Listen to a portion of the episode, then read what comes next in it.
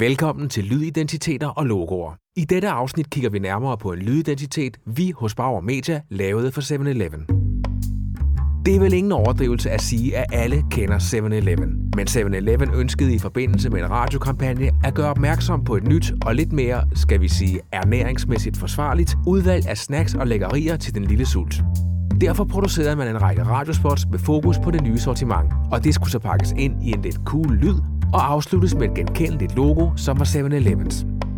Hvordan lyder 7-Eleven så?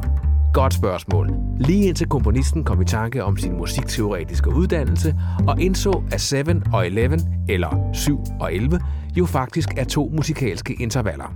Her er en 7'er. Og her er en 11'er. De to intervaller blev kombineret til en lille melodi, og for at sende et signal, der var både cool og troværdigt, blev det besluttet at bruge en kontrabas til at spille melodien i lydlogoet. Og det færdige logo lyder sådan her. Faktisk prøvede vi også med en elbas. Men alle var enige om, at kontrabassen var en mere organisk og troværdig lyd. I forbindelse med serien af Radiospot blev der produceret underlægningsmusik, der matchede lyd og stemning i logoet og ledte naturligt op til den afsluttende melodi. Her er et af de færdige spots. Hvad har du lyst til lige nu, før det næste møde? Du kunne også prøve en superfood-salat fra Kofoko og et kyllingespyd med maks 3% fedt. Det har vi nemlig også. 7-Eleven, det du har lyst til lige nu. Og her er et spot i en anden serie, hvor logoet blev versioneret til at matche en helt anden underlægningsmusik. Sådan her.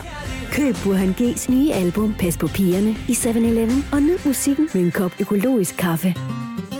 7-Elevens lydidentitet er en klassisk lydidentitet med en distinkt melodi, der kan versioneres i et utal af versioner.